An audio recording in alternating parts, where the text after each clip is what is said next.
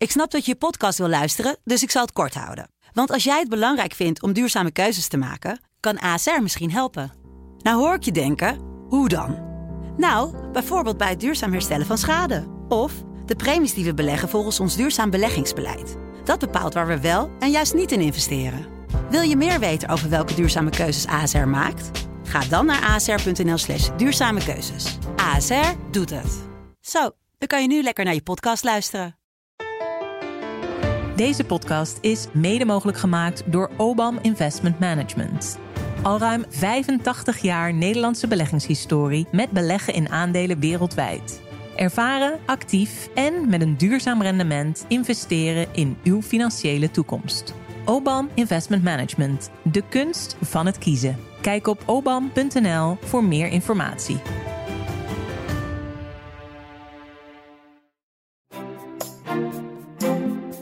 We zitten nu midden tussen de ronkende puinhopen van eh, de grote groene revolutie. Er is bijna 1000 miljard euro extra nodig voor stroomnet. Dit is Kwestie van Centen, een podcast van de Financiële Telegraaf met Martin Visser en Robert Ophorst. Staat er in Huizen Visser nootmuskaat in het kruidenkastje? Uh, ja. ja. Ja? dat heb ik van de week nog door de hutspot gedaan. Kijk uit hè, want als Amsterdammer uh, ben je niet helemaal uh, onverdacht als je tegenwoordig nootmuskaat gebruikt. Wat heb ik nou weer gemist? In Amsterdam-West is een nieuwbouwproject. En daar zijn allemaal straatnamen van kruiden. Van de Safraanlaan tot het Salieplein en de Gemberstraat en de Peterselikade. Ja. Maar er is één straatnaam en uh, die is uh, controversieel verklaard. Zorgt voor ophef. De Nootmuskaatstraat vanwege de associatie met het koloniale verleden. Die naam is geschrapt, Martin. Als oud-Amsterdammer mag ik jou uh, even graag wijzen op deze ja. linkse gekte. Ja, ik ben een nieuwe Amsterdammer en help me even, want nootmuskaat... VOC, ja. koloniaal. Oh, dus alles wat aan boord was, is ook... kennelijk, ja. kennelijk. Ja. Oké, okay, ja, de Nootmuskaatstraat klinkt ook een beetje gek. Maar goed. Dus, nou, het, het heeft wel een soort cadans eigenlijk. Ja, nee, ik zal het diep in de la wegstoppen en alleen maar... Uh, met de gordijnen dicht Met de gordijnen dicht uh, gebruiken. Maar goed, verder vraag maar voor Robert hoe je in hemelsnaam altijd weer aan die rare introducties komt. Overigens dat is, uh, door de hutspot mag dat nog wel, want dat is een oer-Hollands gerecht. Dus dat is geen culturele toe-eigening. Nee. Maar daar moet het wel bij blijven. Of misschien juist wel. Dat je iets uit een andere cultuur toevoegt aan dat het misschien juist enorme culturele toe-eigening. Maar goed, nee, Zullen wij naar het echte onderwerp gaan, ja, Robert? Laten we ter zake gaan. Want uh, ons ooit zo betrouwbare stroomnet piept en kraakt. Bedrijven en nieuwe woningen krijgen geen aansluiting meer op het net. Of moeten tot wel tien jaar in de rij staan. Gemeenten zitten met de handen in het haar. Bouwers zijn wanhopig. En netbeheerders investeren miljarden naar miljarden om alle problemen het hoofd te bieden. Hoe kan het dat de nood zo hoog is geworden en doen we wel genoeg om die nood te ledigen? Of is het allemaal too little too late? Daar gaan we het deze kwestie van centen over hebben. Het hoogspanningsnet in Utrecht is vol. Stroombeheerder Tennet roept bedrijven op zo nu en dan geen elektriciteit af te nemen. Op nog meer plekken op het elektriciteitsnet is inmiddels de maximale capaciteit bereikt. Het elektriciteitsnet in Nederland moet zo snel mogelijk worden uitgebreid. Ja, hier even de problemen in een notendop. We doen het niet alleen, uh, het bespreken van dit onderwerp. Maar bij ons aangeschoven is Theo Besteman, verslaggever van de financiële redactie. Theo, welkom en uh, dank je wel dat je hier bent. Um, voordat we het gaan hebben over hoe groot die problemen op het stroomnet uh, zijn en hoe dat komt, heel even kort misschien Theo nog een stapje terug. Want we zitten nu midden tussen de ronkende puinhopen van uh, de grote groene revolutie. Maar decennia lang was stroom en gas relatief goedkoop. Uh, we hadden een van de mooiste gasnetwerken ter wereld. Overal brandde licht in Nederland en de centrale verwarming stond in de meeste huizen uh, tevreden te snorren. en nu struikel je dus over de verhalen die gaan over de energiecrisis. Eventjes uh, de mini-samenvatting als het kan, Theo. Maar waarom wilden we die energietransitie ook alweer? Uiteindelijk om de CO2-uitstoot naar beneden te brengen. Vastgelegd in het klimaatakkoord van Parijs als een van de punten. En daar, um, dat moet je dan vertalen naar concrete maatregelen. En dat leidt dan toe tot uh, sterk afbouwen van gas, uh, fossiel zeg maar. Kolen, olie, gas, een beetje vaak het, ritme. Um, en dat leidt tot meer elektriciteitsverbruik. Tegelijkertijd uh, elektrificatie heet dat dan. Dus we gaan meer bijvoorbeeld transport overzetten op elektriciteit. batterijauto's. Er komt nu een golf met grote trucks aan die op batterijen gaan rijden. Rijden. Maar ehm, daarnaast heb je ook nog dat de industrie, vooral de industrie, eh, overgaat eh, op elektriciteit. Dus dan willen dan stroom van grote windparken, vooral op zee op dit moment. En eh, zonnepanelen, daar komen ook hele mooie nieuwe vormen aan. Die stroom daarvan, dat heet dan groene stroom, naar land brengen, zeg maar even kort gezegd. Of in ieder geval zo dicht mogelijk bij die grote verbruikers. En het idee is dan dat die met nieuwe technologie een, een oude fossiele eh, productie dan overzetten naar eh, nou, geëlektrificeerde eh, Ja. systemen. Om uiteindelijk die CO2-uitstoot eh, terug te brengen. naar nul uiteindelijk. Netto nul. Netto nul. Ja, precies. Even, Ja, even ik- precies. ja. We hoorden net in het fragmentje al wat van de problemen. En nou, je struikelt inderdaad over de berichten over de energiecrisis. Als ik bijvoorbeeld bij de Telegraaf-site in de zoekbalk het woord stroomnet invul, dan rolt er echt een ellenlange lijst weinig opbeurende koppen over mijn scherm. Even een kleine bloemlezing voor een groot deel ook uit jouw werk, Theo, want jij eh, schrijft je vingers blauw over dit onderwerp. Stroomnet overal zo goed als vol. Maatregelen tegen uitval. Stroomnet overvol. Laat bedrijven files oplossen. Ondernemers krijgen geen stroomaansluiting meer. Hoe kan het zo fout gaan? Onbegrijpelijk dat er te weinig ruimte is op het stroomnet. Wel een huis, geen stroom. Dit is nog maar het begin. Dit raakt onze economie. Kwart, eh, nog eentje, kwart aanvragen voor aansluiting stroomnet blijft de komende jaren liggen. Eh, nou goed, nog één dan. Energiebaas, er is bijna duizend miljard euro extra. Ik herhaal duizend miljard euro extra nodig voor stroomnet. Nou Theo, zijn de problemen inderdaad zo groot? Ja, die zijn echt zo groot. Het is eigenlijk alleen maar ehm, erger aan het worden de laatste tijd. Kabinet heeft veel gedaan. Hè, dat, eh, er is wel gezegd, er wordt helemaal niks gedaan door dit kabinet. Nou, dat is gewoon feitelijk onjuist. Maar er wordt heel veel gedaan om te investeren. Alleen de investeringstijd, dat vergt gewoon heel veel eh, jaren eigenlijk. Dus om het netwerk uit te breiden, dat duurt tot soms wel tien jaar. Als je zo'n zo'n groot station hebt, met planning alles erbij. Terwijl bijvoorbeeld een windpark of een, een, een, een project is aan zich gewoon binnen enkele jaren te bouwen. Ja. En wat Dus- merken wij daar nou als eh, bedrijven en consumenten van? structureel tekort. Hè, dus je, je kan als consument vaak je stroom dan van je panelen mag je dan, kan je dan niet aan het lokale net leveren. Als je dat wel zou doen, dan klapt het netwerk er mogelijk uit. Nou, dat is iets wat elke netbeheerder ten koste van alles zou willen voorkomen. Dat is een vooral als je zonnepanelen hebt en dan heb je eigenlijk een teveel even aan stroom. Ja, Ja, dat mag, Je, mag je leveren aan het net. Zo, zo, zo is de, het systeem gebouwd. Ja, Eh, ja, maar daarvan zou je nog kunnen zeggen, nou dat is jammer dan, hebben we even te veel. Dat is misschien een teleurstelling voor die consument. Maar die gevallen waarin er überhaupt te weinig stroom is, die, die, die, dat, dat knelt misschien nog wel meer. Ondernemers die geen stroomaansluiting krijgen of niet kunnen uitbreiden. je, je zegt het goed. Hè? De, de, te weinig stroomaansluiting. En vaak gaat het om een nieuwe stroomaansluiting. Ja, Omdat we nog altijd wel in een redelijke groei zaten. Het probleem k- komt doordat bedrijven zeggen, nou ik ben lekker bezig, ik breid uit, ik kan een nieuwe hal bouwen, et cetera. En dus heb ik een nieuwe stroomaansluiting nodig. Ja, Die precies je wat je wil als eh, bedrijf, toch? Precies. En het- die vraag je dan netjes aan. En dan blijkt er gewoon, dan kijk je zo naar het totaal wat er dan beschikbaar is. En dan is er gewoon te weinig Ja, capaciteit dus dan heb je een, een financieel gezond bedrijf. Je wilt uitbreiden. En dat kan dan gewoon niet, omdat je tegen de grenzen van het, Ja. nou ja, wat er mogelijk is, aanloopt. Nou, die grens, die, dat is ook nog arbitrair. Hè. Er zijn heel veel discussies over. En ondernemers die zijn het toch helemaal niet eens eh, vaak eh, met eh, hoe de overheid ernaar kijkt. Je vraagt iets aan en er wordt verondersteld dat er geen capaciteit meer is. Dat komt ook omdat de netbeheerders in Nederland, en die zijn kwalitatief in Europa heel erg goed, dat is onomstreden, een hele ruime veiligheidsmarges aanhouden. Ehm, dan is de vraag, wat is ruim? Ondernemers zeggen, nou kijk, er is helemaal niet zoveel eh, tekort. Het gaat om de piekmomenten. Eh, Rabo Research, Sander de Boer heeft daar echt een goed stuk over geschreven. Eh, die zegt, we op zich verbruiken we niet heel veel meer stroom. Het, gaat alleen het zit op de verkeerde momenten. Hm. En dat piekmoment, dat krijgen we niet goed geregeld. Ja, en zo'n veiligheids, sorry, maar zo'n veiligheidsmarge is ervoor bedoeld om te zorgen dat er niet in grote delen van Nederland opeens het licht uitvalt.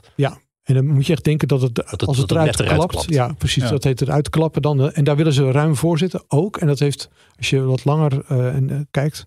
Ons netwerk heeft een hele goede reputatie. Hè. We hebben een betrouwbaarheid van 99,99996 geloof ik. En dat is voor, denk aan de datacenters die hier zitten. De grote eh, flitshandelaren op de beurs. Ja, die zijn echt afhankelijk van een goed betrouwbaar netwerk. En die kunt zich niet permitteren dat die naar gaat of zo. Dus dat is ook een aantrekkende factor voor onze Nederlandse economie. Je kan altijd hier stroom krijgen. Maar dat is, natuurlijk, dat is dan voor een ondernemer natuurlijk helemaal gekmakend. Ik bedoel, dat je geen aansluiting krijgt omdat er geen stroom genoeg is. Dat is al niet heel lekker. Maar als je, als je meent te weten dat de stroom er wel is, maar dat het niet goed verdeeld is over de, de, de pieken en de dalen, zeg maar.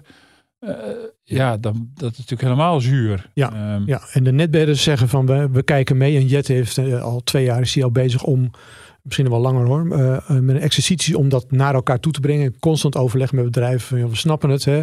Er zal worden vluchtstroken ingezet, zoals dat heet. Zoals je mm -hmm. snelweg hebt, heb je ook vluchtstroken. Die kun je af en toe openzetten. En dan krijg je wat meer ruimte. Mm Zeker met die pieken is dat natuurlijk heel handig. Maar dan nog hè, gaat het nu zo snel um, dat, dat het gewoon lastig is. En de ondernemers is gevraagd bijvoorbeeld van nou verlaag nou om die pieken eraf te krijgen. Verlaag nou op sommige momenten jouw piek eh, eh, pak een beetje een ondernemer met een, vries, een grote vriescel.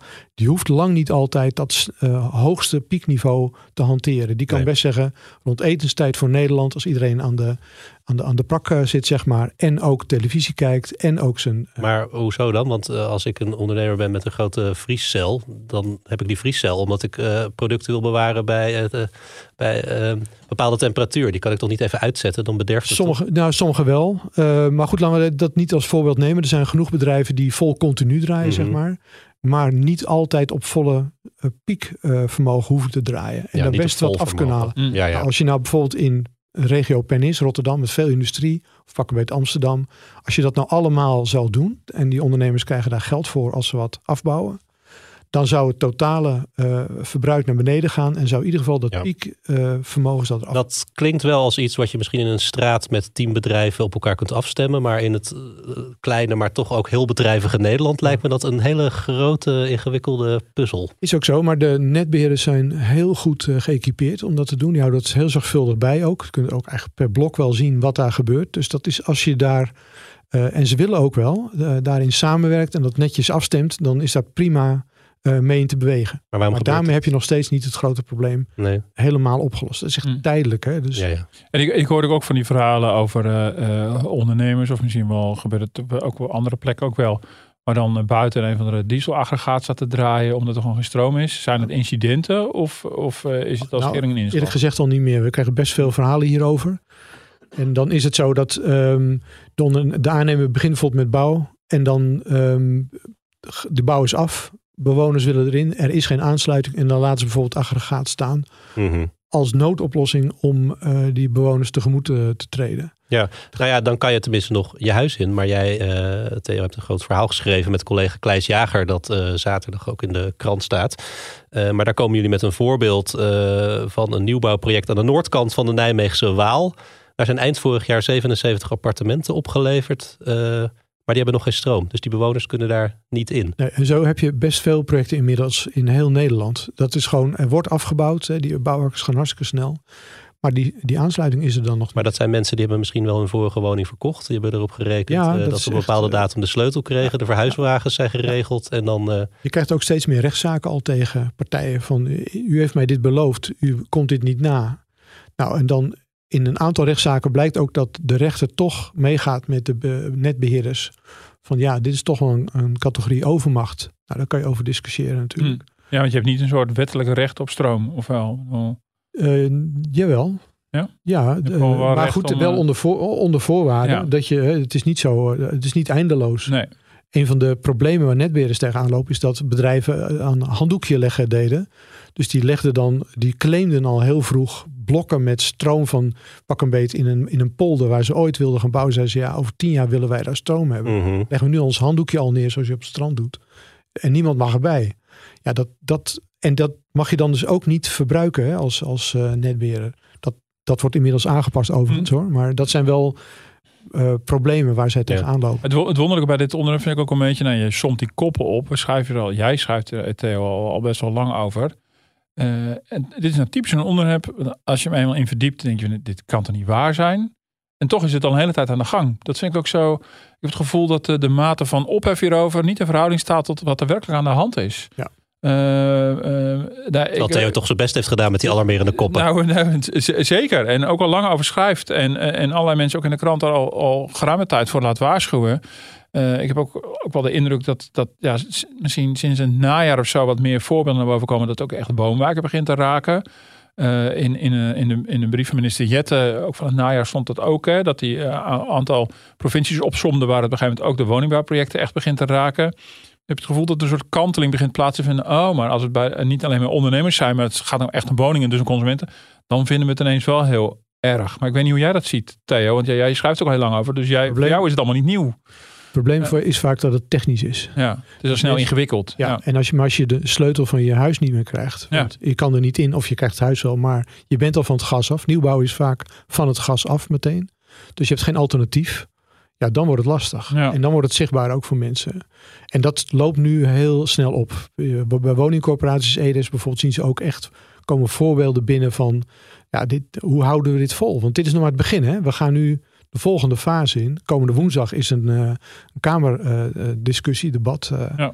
Daar worden, komen alle grote partijen komen inspreken. Nou, EDES bijvoorbeeld, die zal die zeker ook dit soort voorbeelden aandragen. Ja, dit is niet meer houdbaar. Nee, en je bedoelt met dit is het begin. Dit, we staan nog maar aan het begin ook Ja, van die elektrificatie. Of we Ja. staan ook, en we staan tegelijkertijd nog maar aan het begin van de problemen die dat gaat opleveren. Ja, precies, precies. Want eh, neem eh, elektrische auto's. We denken, we zien wel veel elektrische auto's en eh, fantastisch. Maar dat is maar echt maar nog geen 4%. Dat stelt helemaal niks voor. Van het totale wagenpark Ja. in Nederland. En als je dan denkt dat eh, benzineauto's, het oude fossiel, dus eruit moet. Ja, al vrij snel. Ja, ja. Ja. en die Ja. producenten gaan ook wel. Hè? Dus de producenten die leveren steeds meer eh, elektrische eh, batterijauto's. Is het dan ook niet een deel van de oplossing om in ieder geval even tijdelijk misschien ietsje een beetje op de, op de rem te trappen? Ja, daar is heel veel, er komt steeds meer steun voor. En ik zie het persoonlijk zelf ook een beetje in, in de verkiezingsuitslag. Dat een hoop mensen denken van, kijk, ik wil absoluut mee in die verduurzaming voor mijn kinderen, kleinkinderen, die Ja. aarde moet. Maar je wil wel gewoon kunnen koken s'avonds op je, op, je, op je keramische plaat. Ja, als je, als, je, als je mensen geen alternatief hebben en tegelijkertijd, hè, dat, is ook de, dat is ook 100% zeker, de prijzen stijgen. Mhm. Om die eh, eh, netwerken uit te breiden. Tennet heeft dan eh, ongeveer 24, 25 miljard lening gekregen. Dat is de beheerder van het hoofdnet. Ja, die tarieven worden natuurlijk vroeg of laat doorberekend aan een bedrijf, CQ dan weer een consument. Hè, zeker weten dat we de komend jaar is het al aangekondigd. Die prijzen gaan weer met, ik meen, 8 euro per maand omhoog. Mhm. Dat is allemaal nog betrekkelijk weinig, maar naast alle andere kosten die eraan komen. Plus dan in je individuele energierekening, die kan ook nog omhoog. Ja. Als die kosten omhoog gaan en je krijgt er weinig voor terug, dan zeggen mensen, ja, waar doe ik het nou precies voor? En ik kan ook mijn elektrische auto niet aansluiten Nee. op een op een Nee, maar dat beschrijven ze op een gegeven moment ook. Hè, laadpalen die er wel staan, maar die Ja. zijn nergens op aangesloten. Ja, ja. Ja, dat komt, is komt toch- echt voor. Dat is toch Kafkaesk gewoon ja. ondertussen. En, maar is nou is onze energietransitie te ambitieus of is ons aanpassingsvermogen te traag? Ja, misschien beide. Eh, omdat eh, wat, wat, wat mensen ook al zeggen, economen zeggen ook van Lester. Nederland komt uit een maatschappij met goedkoop gas. Daar, daar zijn we helemaal aan gewend geraakt. Dat leidde ertoe dat behalve consumenten zeg maar, altijd gas eh, hadden. En kon, gas konden koken en de prijs ook nog laag was. Er heel veel energie-intensieve industrie naar Nederland is gekomen. Dus, de- hè, dus die maken eh, heel veel gebruik van het goedkope gas. En die hebben heel hun productieproces erop aangepast. Uitgebreid sinds de jaren 60. En daar zeg je nu tegen, u gaat elektrisch. Dus zeg, oké, prima. En nog wel even afspreken op welke uren u dan op vol vermogen mag Ja. draaien. En daarbij dat de stroom die zij aftikken eh, hier in Nederland, vooral door de eh, energiebelasting, behoorlijk aan de prijs is. Versus een veel goedkopere stroomprijs die ze in eh, de VS. Ja, Azië nou dat wilde ik nog even vragen. Want eh, VNO, NCW waarschuwt dat bedrijven naar het buitenland uitwijken door dit soort problemen Ja. hier op het net. Maar hebben ze dan over de grens hun zaakjes wel op orde? In Amerika bijvoorbeeld kun je al gebruik maken van die IRS-subsidie, weet je wel, waar je kan verduurzamen eh, met steun van de, van de Ja, Amerikaanse Dat, dat is overheid. de Inflation Reduction Act, Ja. eh, een soort gigantisch Makkelijk. stimuleringspakket. Ja, en makkelijk te, te, te verkrijgen. Als je multinational bent en je hebt bijvoorbeeld in Nederland een, een, eh, een kantoor, productiefaciliteiten en in de VS. Dan, wat let je om dan te zeggen, kijk, die stroomkosten in, in, die lopen zo uit de pas in Europa ten opzichte van de VS. Ja, ik, ik verplaats toch Hmm. een faciliteit dus wel naar een- Amerika. Europees, Europa breed probleem. Duitsland heeft het zeker ook hetzelfde probleem, absoluut. Maar Nederland eh, zit wel hoog in de, in de belastingen eh, wat dat betreft. Dus eh, Maar En, tekort... en, en omdat we, sorry, en omdat Ja. we heel erg energie, heel veel energie gebruiken in de, in de industrie. Eh, door dat goedkope gas dat we ooit hadden en die hele Mm. maatschappij is zo eh, opgebouwd, Ja. wordt het voor Nederland relatief eh, eh, zwaar, zeg maar, om die overgang te maken. Ja, maar die specifiek die tekorten hebben, bedoel, je bent een bedrijf en je wil uitbreiden, je gaat investeren en je vraagt gewoon extra stroom aan. Dat kan in, in een buurland makkelijker dan in Nederland. Da daar durf ik mijn hand niet voor in het vuur te steken, eerlijk gezegd. Nee. Zover reikt mijn kennis niet. Nee, maar dus moet je zoeken van, is het zo'n dreigement vanuit, vanuit VNO, is dat, is dat een lobbyverhaal of, Nee, of is het wel echt een reële... Dit is echt reëel. Dit Ja. is echt reëel. Ik heb vanochtend nog een belrondje Ja. gemaakt. En er zijn gewoon eh, bedrijven die gewoon echt, eh, nou, daar waar, ze, waar het multinationals zijn, zeg maar, waar ze de mogelijkheid hebben, Mhm. gewoon zeggen, nou dan verplaats ik het binnen mijn wereldwijde concern. Ja, maar dan moet je dus wel verplaatsen naar een land waar dus wel stroom is, dat bedoel ik. er is Eh, stroom, maar ook ja. goedkope stroom. Ja, precies. En dat ook de prijs. Amerika. Ja, Ja, dus het is ook belasting die erover wordt. En in Amerika zetten ze het ook gewoon, er wordt ook gesubsidieerd, eh, tuurlijk. Ja. ja. Nou ja, en, en goed, we, we, eh, we hebben het hier al een tijdje over op de, op, de, op de financiële redactie en ook met elkaar zitten sparren van, is hier nu ook een getal aan te plakken? hè? ja, ik Want, eh, net vragen, wat, wat eh, kost ons dit allemaal ja, wat kost ons niet allemaal? En eh, eh, nou, ik mag alvast verraden dat dat, dat nog lastig is. Ehm, maar het eh, gaat niet over miljoenen. Nee, nee. En het is ook wel een, echt wel een springend punt. Want ik was eh, een, een tijdje geleden bij eh, een ondernemersvereniging in, in Flevoland. eh, de goede netwerkbijeenkomst. Ja, daar ging het vooral ook hierover. In, ieder geval, dat is een van de provincies waar het gewoon ondernemerszorg nummer één is. Dat vond ik echt... Ja, ook mij. Ik bedoel, ik bedoel, ik zei net over, heel veel mensen realiseert zich helemaal niet. Ook voor mij geldt het weer dat je van, oh ja, dus zo groot is dat probleem. Door dan die verhalen van de ondernemers te horen, die met verhalen kwamen over eh, uitbreiding. Ja, die zijn allemaal amateurs en het bedrijf draait goed en die willen uitbreiden. Het stond met stip nummer één van de prioriteiten. Gewoon domweg een tekort, eh, tekort aan stroom. Nou weet ik in die gevallen niet of die allemaal uit konden wijken. Er zat veel MKB eh, bij. Maar het is dus ook een, ook een rem op onze economische groei. Maar er wordt wel, eh, Theo, poging gedaan om dat te gaan berekenen. Wat de schade is. Dat gebeurt en dat punt wat je net aanstipte speelt daarbij mee. Dus eh Ecoris is een bureau dat daar veel onderzoek naar doet. Ook voor, de, voor het kabinet, zeg maar. Dat, dat ze dat hebben. Maar het lastige is, daarom is er geen getal op te plakken, is dat je mensen, ondernemers zijn natuurlijk heel creatief, vindingrijk. Dus ze zeggen, ja, ik kan niet linksom in Flevoland. Dan ga ik misschien op een andere manier alsnog proberen uit te breiden. In een andere hoek in Amsterdam-Zuid of zo, zeg wat.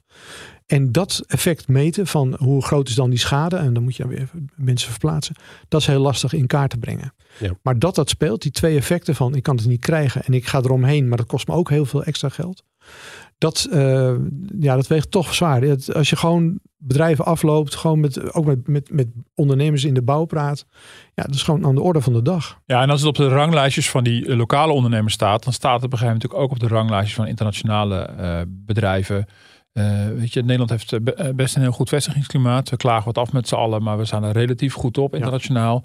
Maar het kan niet anders dan dat dit onderwerp natuurlijk in toenemende mate hoog op die lijstjes komt te staan. En niet bij de plusjes natuurlijk, maar bij de minnetjes. Ja.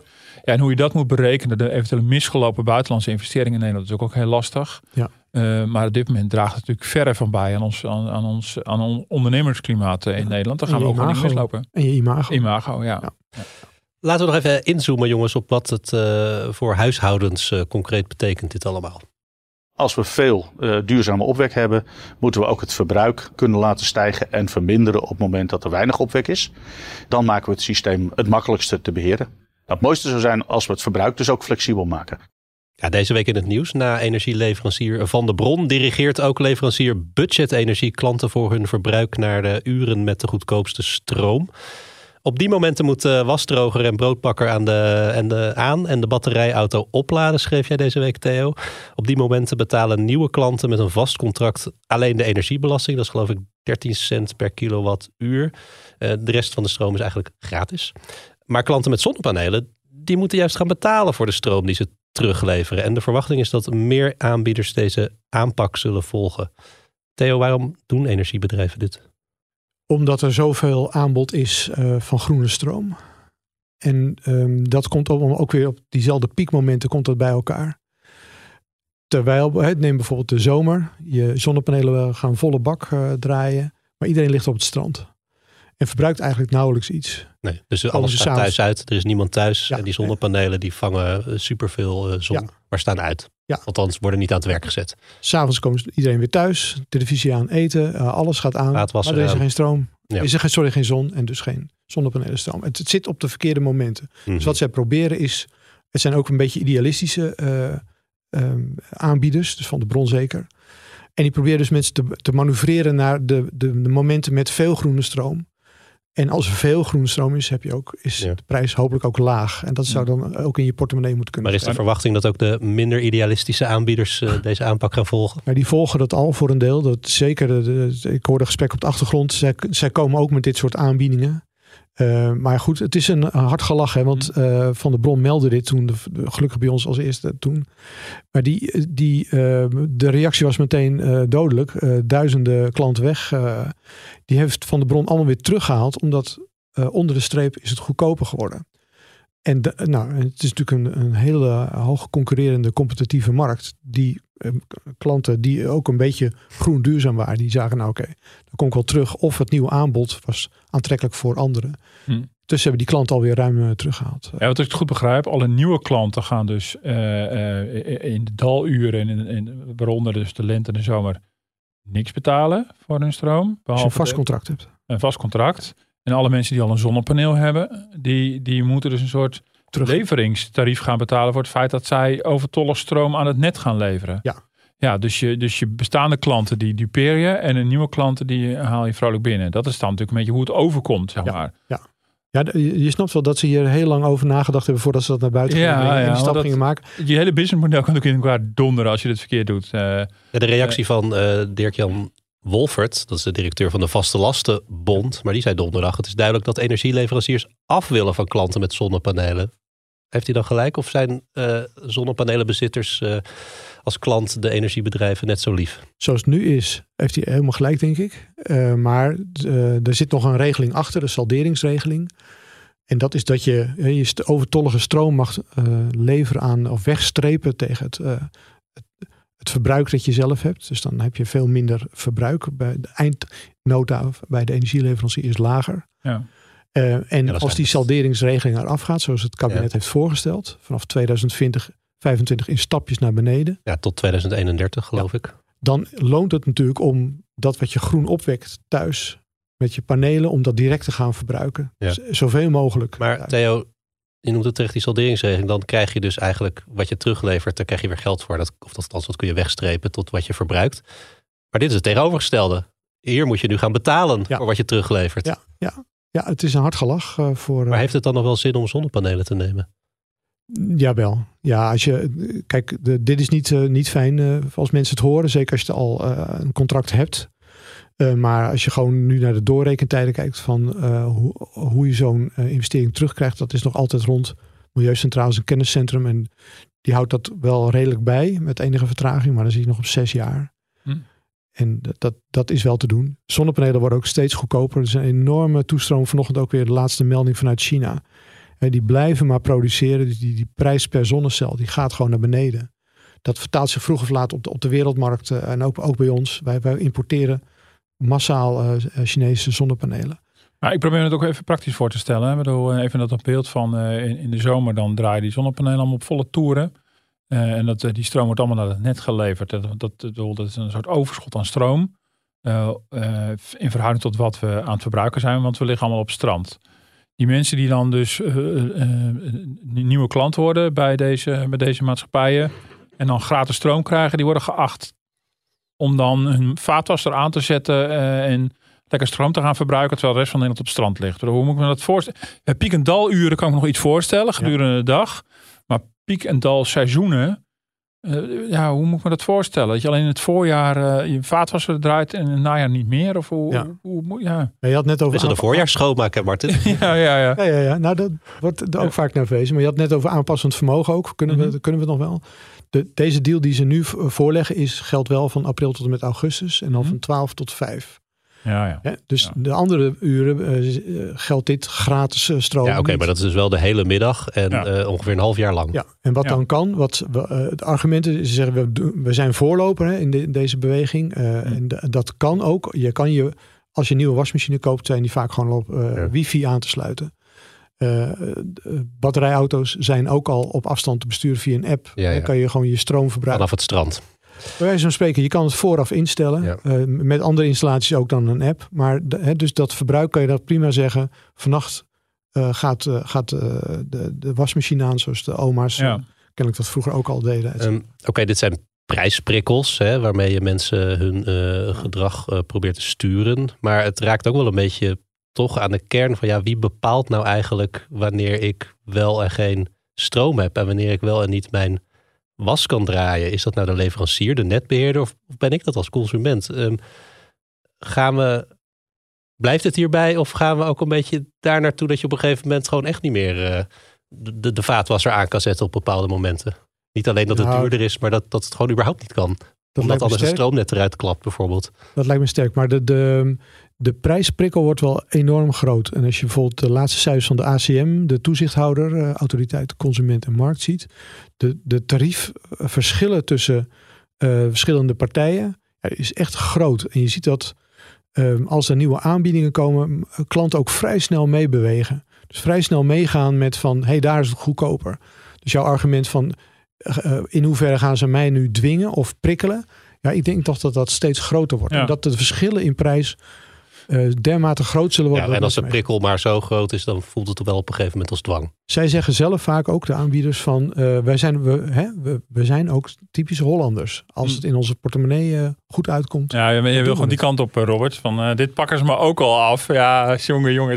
Maar het komt ook een beetje ouderwets over, toch? De dag- en nachtstroom. Bedoel, Toch? Ja. Vroeger deden we dat toch Ja. gewoon. het is, eh, Ze maken echt een Ja, je zegt het zo optimistisch dat ik helemaal gerustgesteld ben.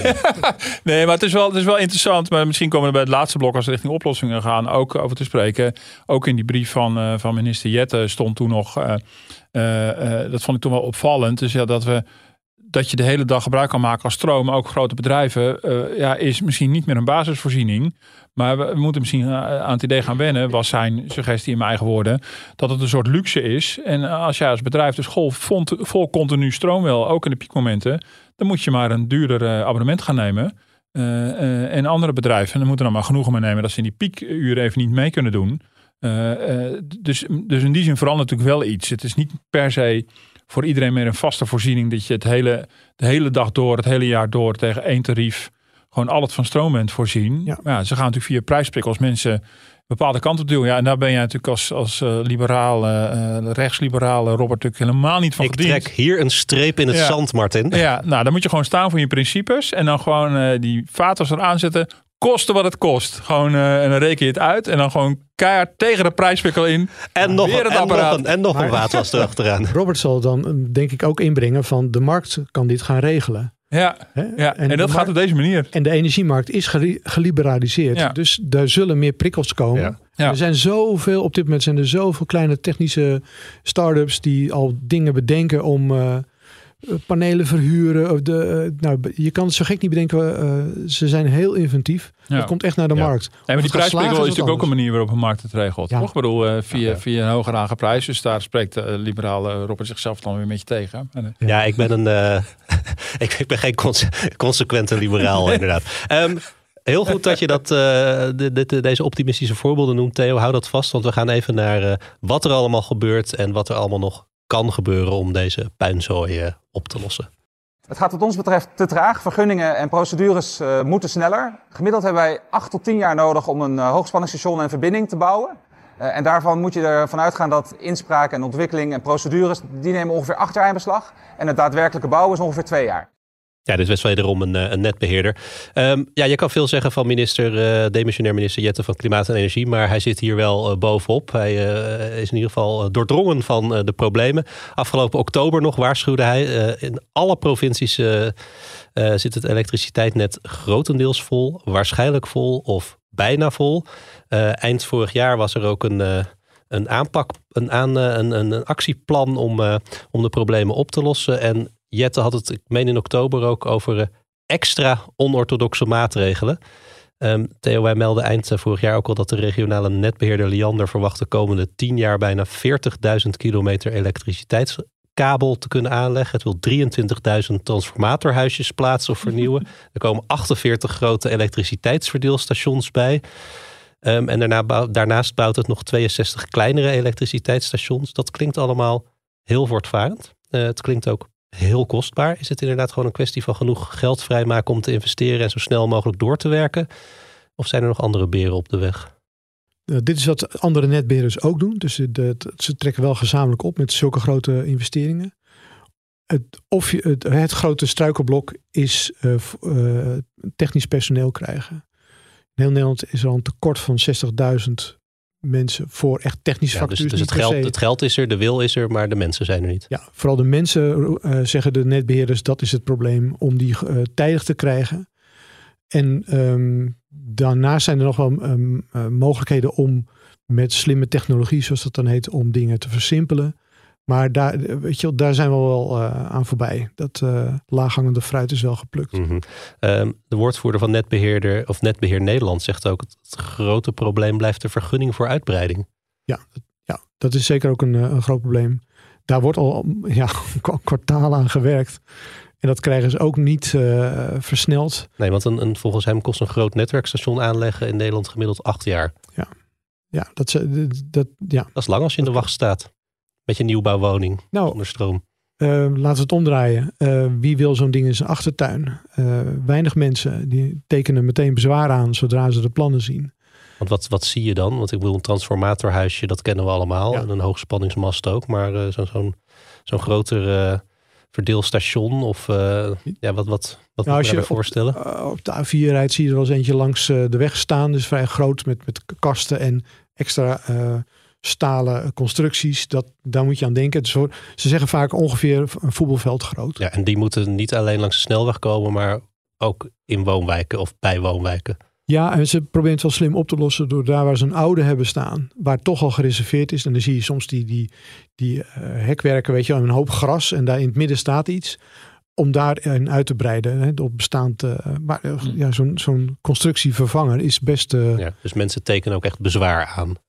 Voor een nieuwe zeker, ja, ja, zeker. Dat gebeurt doorlopend. Dat is, ja. Uh, ja. Daarom is er ook uh, zoveel, uh, bijvoorbeeld met windenergie, is, gebeurt eigenlijk de facto alleen maar op zee nog.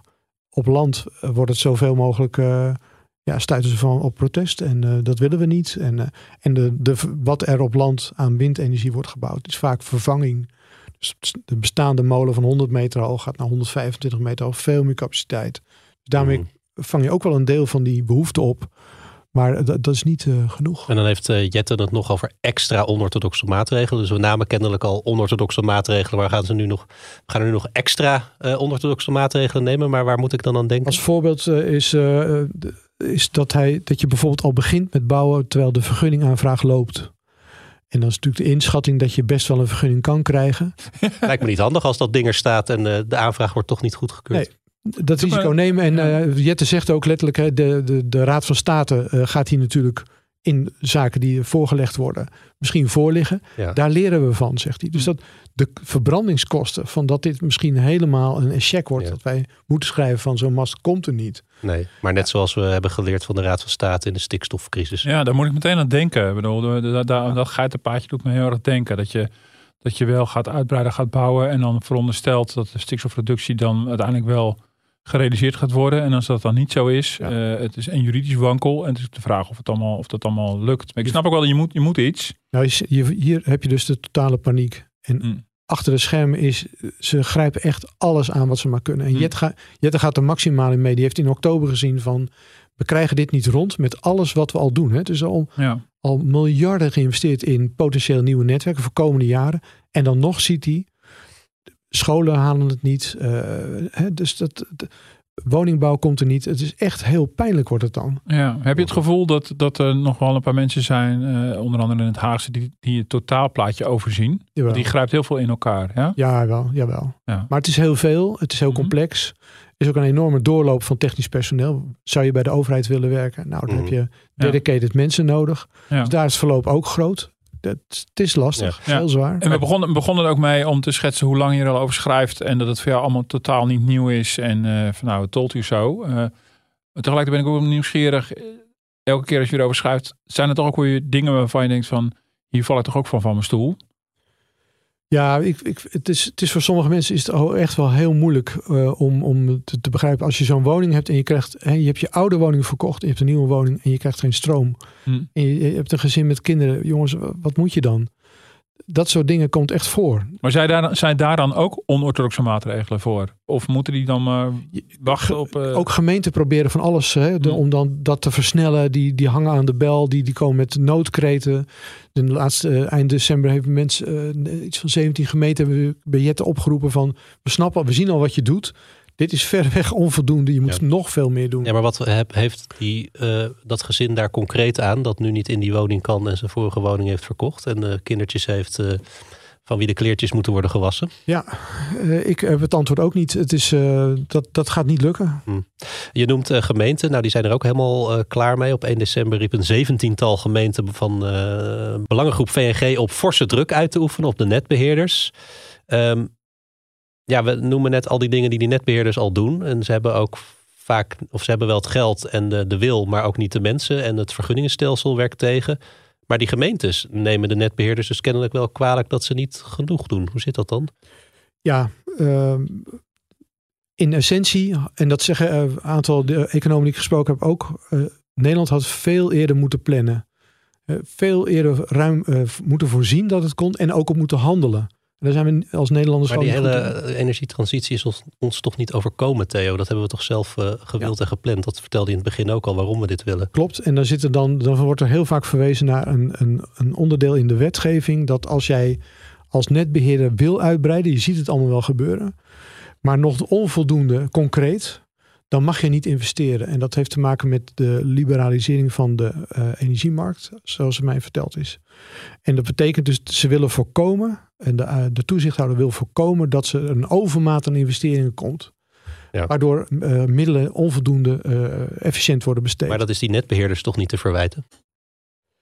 Ze zitten allemaal wel in hetzelfde pact. Je werkt wel samen met z'n allen. Mm -hmm. um, zij, zij zijn, dat is ook wel onderdeel van de discussie. Het zijn techneuten. Ze zijn vaak heel beleefd. Ze komen elkaar de hele dag tegen, ook bij uh, economische zaken, in overleg. Dus je, je, je moet oppassen wat je zegt natuurlijk. Maar uh, ja.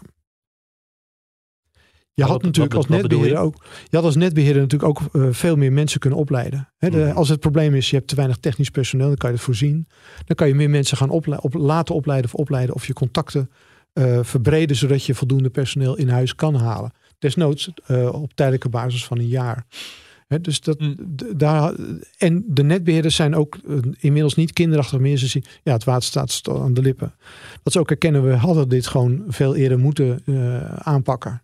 Is niet gebeurd, zeggen ze allemaal dan. Dat is een beetje de, de riedel. Is niet gebeurd, dus laten we nu vooruitkijken. Mag ik nog als, als, als onorthodoxe maatregel nog even teruggrijpen op iets wat we eerder even hebben aangeraakt? Ehm, je kan inderdaad ook de rem zetten op al onze ambities. Uh, voor mij ging je daar zelfs ook aan mee, uh, Theo. Ik bedoel, we hebben natuurlijk gewoon internationale afspraken um, over CO2-reductie en dergelijke. Als we het gewoon praktisch gewoon allemaal niet kunnen bijbenen. Dat is natuurlijk niet een on onorthodoxe maatregel die in de brieven van minister Jette staat. Nee. nee. En ik, maar met en een ik nieuw beluister, kabinet in de maak. Ja, van, ik beluister dat dat gewoon, dat, dat daar steeds meer, gewoon omdat het onuitvoerbaar wordt ten ja. volle. Hè? Als je alles ja. wil doen wat daar staat. En Jette is te begrijpen van die moet gewoon politieke piketpalen slaan. Van oké, okay, daar gaan we naartoe. En dat uitwerken in detail, het wordt steeds praktischer. Maar het wordt op een gegeven moment is het, is het niet uitvoerbaar meer. En krijg je steeds meer verzet en dan, dan keert de wal het schip. Uh, ja, toch. en dan zou bijvoorbeeld een nieuwe energieminister van PVV-huis of BBB-huizen zou echt wel iets heel anders gaan doen dan minister Jette tot nu toe. Ja, en dan krijgt hij de vraag natuurlijk, hoe ga jij dan die CO2-uitstoot omlaag brengen? Ja. En als je dan alleen verwijst naar de kolencentrales in China, kom je er waarschijnlijk ook niet. Dus daar zal ook een middenweg gevonden moeten worden. Ja. Maar ik voorzie wel dat dat, dat echt een, een, een probleem uh, wordt. Maar dat betekent dan uh, dat je, ga je dan op een gegeven moment toch maar weer nieuwe huizen maken die wel op het gas zijn aangesloten? Ga je dan op een manier, dan, dan moet je de, de, de, weet ik veel, de hele benzineauto-business langer uh, overeind houden. Je krijgt ik, allerlei... ja, ik denk dat je, denk dat je overgangsmaatregelen krijgt, zoals ja. Jette de kolencentrales destijds heeft open, heropengezet. Hè, ja. Onder behoorlijke dwang. Uh, terwijl die ze eerst gesloten had. Van, ja, ze zijn er nog de met grote een opgestoken duimen voor ging poseren. Ja, ja, ja. ja. Uh, maar uh, hij kreeg op dat moment ook krediet. Iedereen zei, Jette toont realiteitszin. Het kan niet anders. Dat, zo verdedigt hij het ook in de Kamer. Ja. Zit in een crisis veroorzaakt door Rusland. Mm -hmm. uh, dat uh, de Oekraïne binnenvalt. Energieprijzen stijgen. We moeten een alternatief hebben voor gas. Ja. en andere zaken. En nu is de uitkomst misschien uh, de rem op, het, op klimaatambities onder hetzelfde argument. Het kan niet anders. Ja, ik denk, ik denk kort gezegd dat dat wel zo zou zijn. En dan kan je misschien nog genuanceerd naar kijken wat wel eerst en dan ja. later de rest. Ja, je schaft het niet af, maar je probeert dat toch wat weer realistischer te doen. Ja, ja wil je draagvlak houden? He, dat, dat zegt iedereen ook altijd vanuit energiebedrijven. Mensen moeten bijvoorbeeld van het gas af. Ja, je kan niet zomaar op, op een deur kloppen en zeggen: U gaat nu van het gas af. Dan moet je dat moet je uitleggen, daar moet je draagvlak voor, voor, creëren. En dat zal met dit soort dingen ook zijn. En, en je moet het alternatief wat je dan mensen, waar de mensen toe verplichten, ook op orde hebben. En als dat niet op orde is, ja dan. Ja. ja. Nou, ook dat is een probleem natuurlijk. Ja. ja. Ik ken jou als een optimistisch mens, Theo. Maar zijn er nog meer stippen aan de horizon? Meer licht aan het eind van de tunnel? Want je zei net, het meeste laaghangend fruit... Uh, wat, wat qua technische oplossingen gedaan kan worden... is al geplukt. Ja, ik, ik ben wel heel optimistisch uh, in, in, uh, in, over technologische vernieuwingen. Uh, omdat er ook vanuit bijvoorbeeld instituut als TNO, TU Delft, die, ja, weet je, daar wordt echt zo hard gewerkt om dingen te bedenken. Om, om een, een ei van Columbus hebben we niet. Hè, groene waterstof, wat makkelijk zou moeten werken. Ja, dat is nog heel ver weg. Kernenergie is ook nog niet dichtbij. Dat duurt nog vele jaren. In de tussentijd zie ik wel heel veel technische eh, bedrijfjes, ondernemers, die gaten zien. Die bijvoorbeeld hè, ondernemers die op een bedrijventerrein pak een beetje met 20, 30 uh, bedrijven samen allemaal zonnepanelen hebben. Zeggen, zullen we dat stroom niet op het net brengen, maar onderling verdelen? Nou, is nu niet echt mogelijk. wordt, hè, je, je hebt problemen, verzekeringstechnisch ook. Wat als er brand uitbreekt, wie is aansprakelijk? Wie is hier? Ja. Maar uh, weet je, dat is ook wel aan te pakken met wet, nieuwe wetgeving of een versnelde uh, maatregel van bestuur wellicht. Om dat soort dingen op te lossen. Dus vanuit die ondernemers komt echt heel veel. Nou, dat doet mij als liberaal natuurlijk deugd om te horen. Nou, ik ben blij dat we toch in deze podcast al jouw klimaatskepsis hebben weg kunnen werken, Robert. Dus, uh... Maar ben je ook een beetje gerustgesteld? ja, enorm. Ja. Ja, ik ben er lang van het gas af. Um, Theo, tot slot, we hadden het hier uh, vorige week even kort over het World Economic Forum. Uh, Klaus Schwab zag corona als een kans om dingen ook anders en beter te doen. Nou, dat leidde tot zijn zeer omstreden Great Reset. Maar toch, elke crisis biedt ook weer kans. Is er ook een mogelijkheid dat we sterker uit deze crisis komen uiteindelijk? Ik denk het wel. Dat zou zomaar ook kunnen. Als je kijkt bijvoorbeeld naar de gascrisis die we hadden. Uh, ik heb toen de directeur van de Gasunie mogen interviewen. En die zei, we hebben twee uh, drijvende gasinstallaties in de Eemshaven neer kunnen leggen. Binnen, uh, ik meen, zeven maanden tijd. Dat is ongehoord snel. Alle procedures konden snel. Havenkabels, infrastructuur lagen ook allemaal heel snel. In heel Europa eh, kijkt um, men naar de, de gasunie, hoe ze dat zo snel voor elkaar hebben gekregen. Kregen zelfs een, een, een, een oorkonde of een onderscheiding in het, in het buitenland, omdat wij met ons gas ik meen Polen hebben geholpen toen en Tsjechen. Ik weet het niet zeker. Maar ja, weet je wel, dat toont van het kan best. En dat, dat voorbeeld is recent. Iedereen ziet het ook vanuit uh, ministeries, bedrijven. Het kan. Alleen we moeten de urgentie erop zetten. Dat, uh, dat is wel nodig. Ja, dat is weer de bel voor de rondvraag. Maar dat is ook even de bel om jou uh, heel hartelijk te danken, Theo, voor jouw komst en jouw heldere, heldere verhaal ben wel wijzer geworden, Martin. Ja, zeker, zeker. En uh, niet helemaal gerustgesteld. Maar dat wisten we, wisten we van tevoren. Nee, het is wel goed om, de, om dit onderwerp, uh, om hier aandacht voor te, te blijven vragen. Omdat het steeds meer mensen raakt. Dank Theo en uh, waarschijnlijk weer tot snel. Ja. Je bent inmiddels vaste gast. Ja. Heb je nog wat leuks, Martin? Ja, ja, ik heb vorige week al verteld over onze middelbare scholenzoektocht. Dus dat ga ik niet herhalen, want die, die was net gestart. Dus uh, we, gaan, we, gaan, we gaan weer onvertrouwd verder. Nee, ik wil nog één ander ding even noemen. Heel inhoudelijk. Dat is eigenlijk helemaal niet privé. Uh, maar ik toch met interesse naar het pensioendebat van de week zitten kijken. woensdagmiddag en avond uh, was dat. En de vorige podcast, vorige week, zei ik al... dat pensioen een van de onderwerpen is waar ik met zeer grote interesse naar kijk. formatietechnisch, zeg maar. Dus als ze alle toestanden over die spreidingswet overleven... en ze komen aan, aan de echte inhoud toe... die ik interessant vind, de economie dan uh, ben ik heel benieuwd. En het is natuurlijk wel duidelijk dat de drie van de vier uh, formerende partijen ja, daar toch heel anders in, in zitten qua pensioen dan de VVD en, en de huidige coalitie. Nou was demissionair minister Schouten redelijk ferm. Ja. Um, ja, hallo. Wat zegt dat? Nou ja, dat, dat zegt verder niks, want ze is demissionair. En uh, het zal ook niet zo zijn dat, een, dat de huidige Tweede Kamer dit met, met deze demissionair minister uh, allemaal gaat, gaat regelen. Het, dus uiteindelijk gaat het in de formatie, moet dit gaan gebeuren. Als er aanpassingen zouden moeten komen aan het nieuwe pensioenstelsel. Uh, waarbij PVV en BBB echt tegen het nieuwe pensioenwet zijn. En, en uh, nieuw sociaal contract allerlei ideeën en voorstellen heeft. een soort middenweg met wel aanpassingen. Ja, en bij de VVD weet je het niet. Waarschijnlijk het tegenovergestelde van wat Jezilgus wil. ja, zo, zoiets. Maar nee, Macron Schouten zei, ik heb hier al 100 uur over gedebatteerd. Ehm, dat, dat, en het, is, het, is een keer, het is een keer klaar. Dat is, dat is mijn, mijn vertaling. En dat begrijp ik heel goed. Dus uh, uh, ja, die wet is er nog maar net. Maar het is wel heel relevant. Het gaat om, 100, uh, het gaat om 1500 miljard euro. Het gaat om pensioengeld voor alle mensen die verplicht pensioenpremie hebben afgedragen. En, dus ik ben heel nieuwsgierig. En woensdag waren dus de inleidende beschietingen. En dit gaat zeker een onderdeel zijn van een nieuw regeerakkoord. Wanneer die ook mag komen. Ja, dat gaan we ook hier allemaal nauwlettend in de gaten houden. Theo, dankjewel nogmaals. En Martin, dankjewel. En ik zeg tot de volgende. Tot de volgende keer.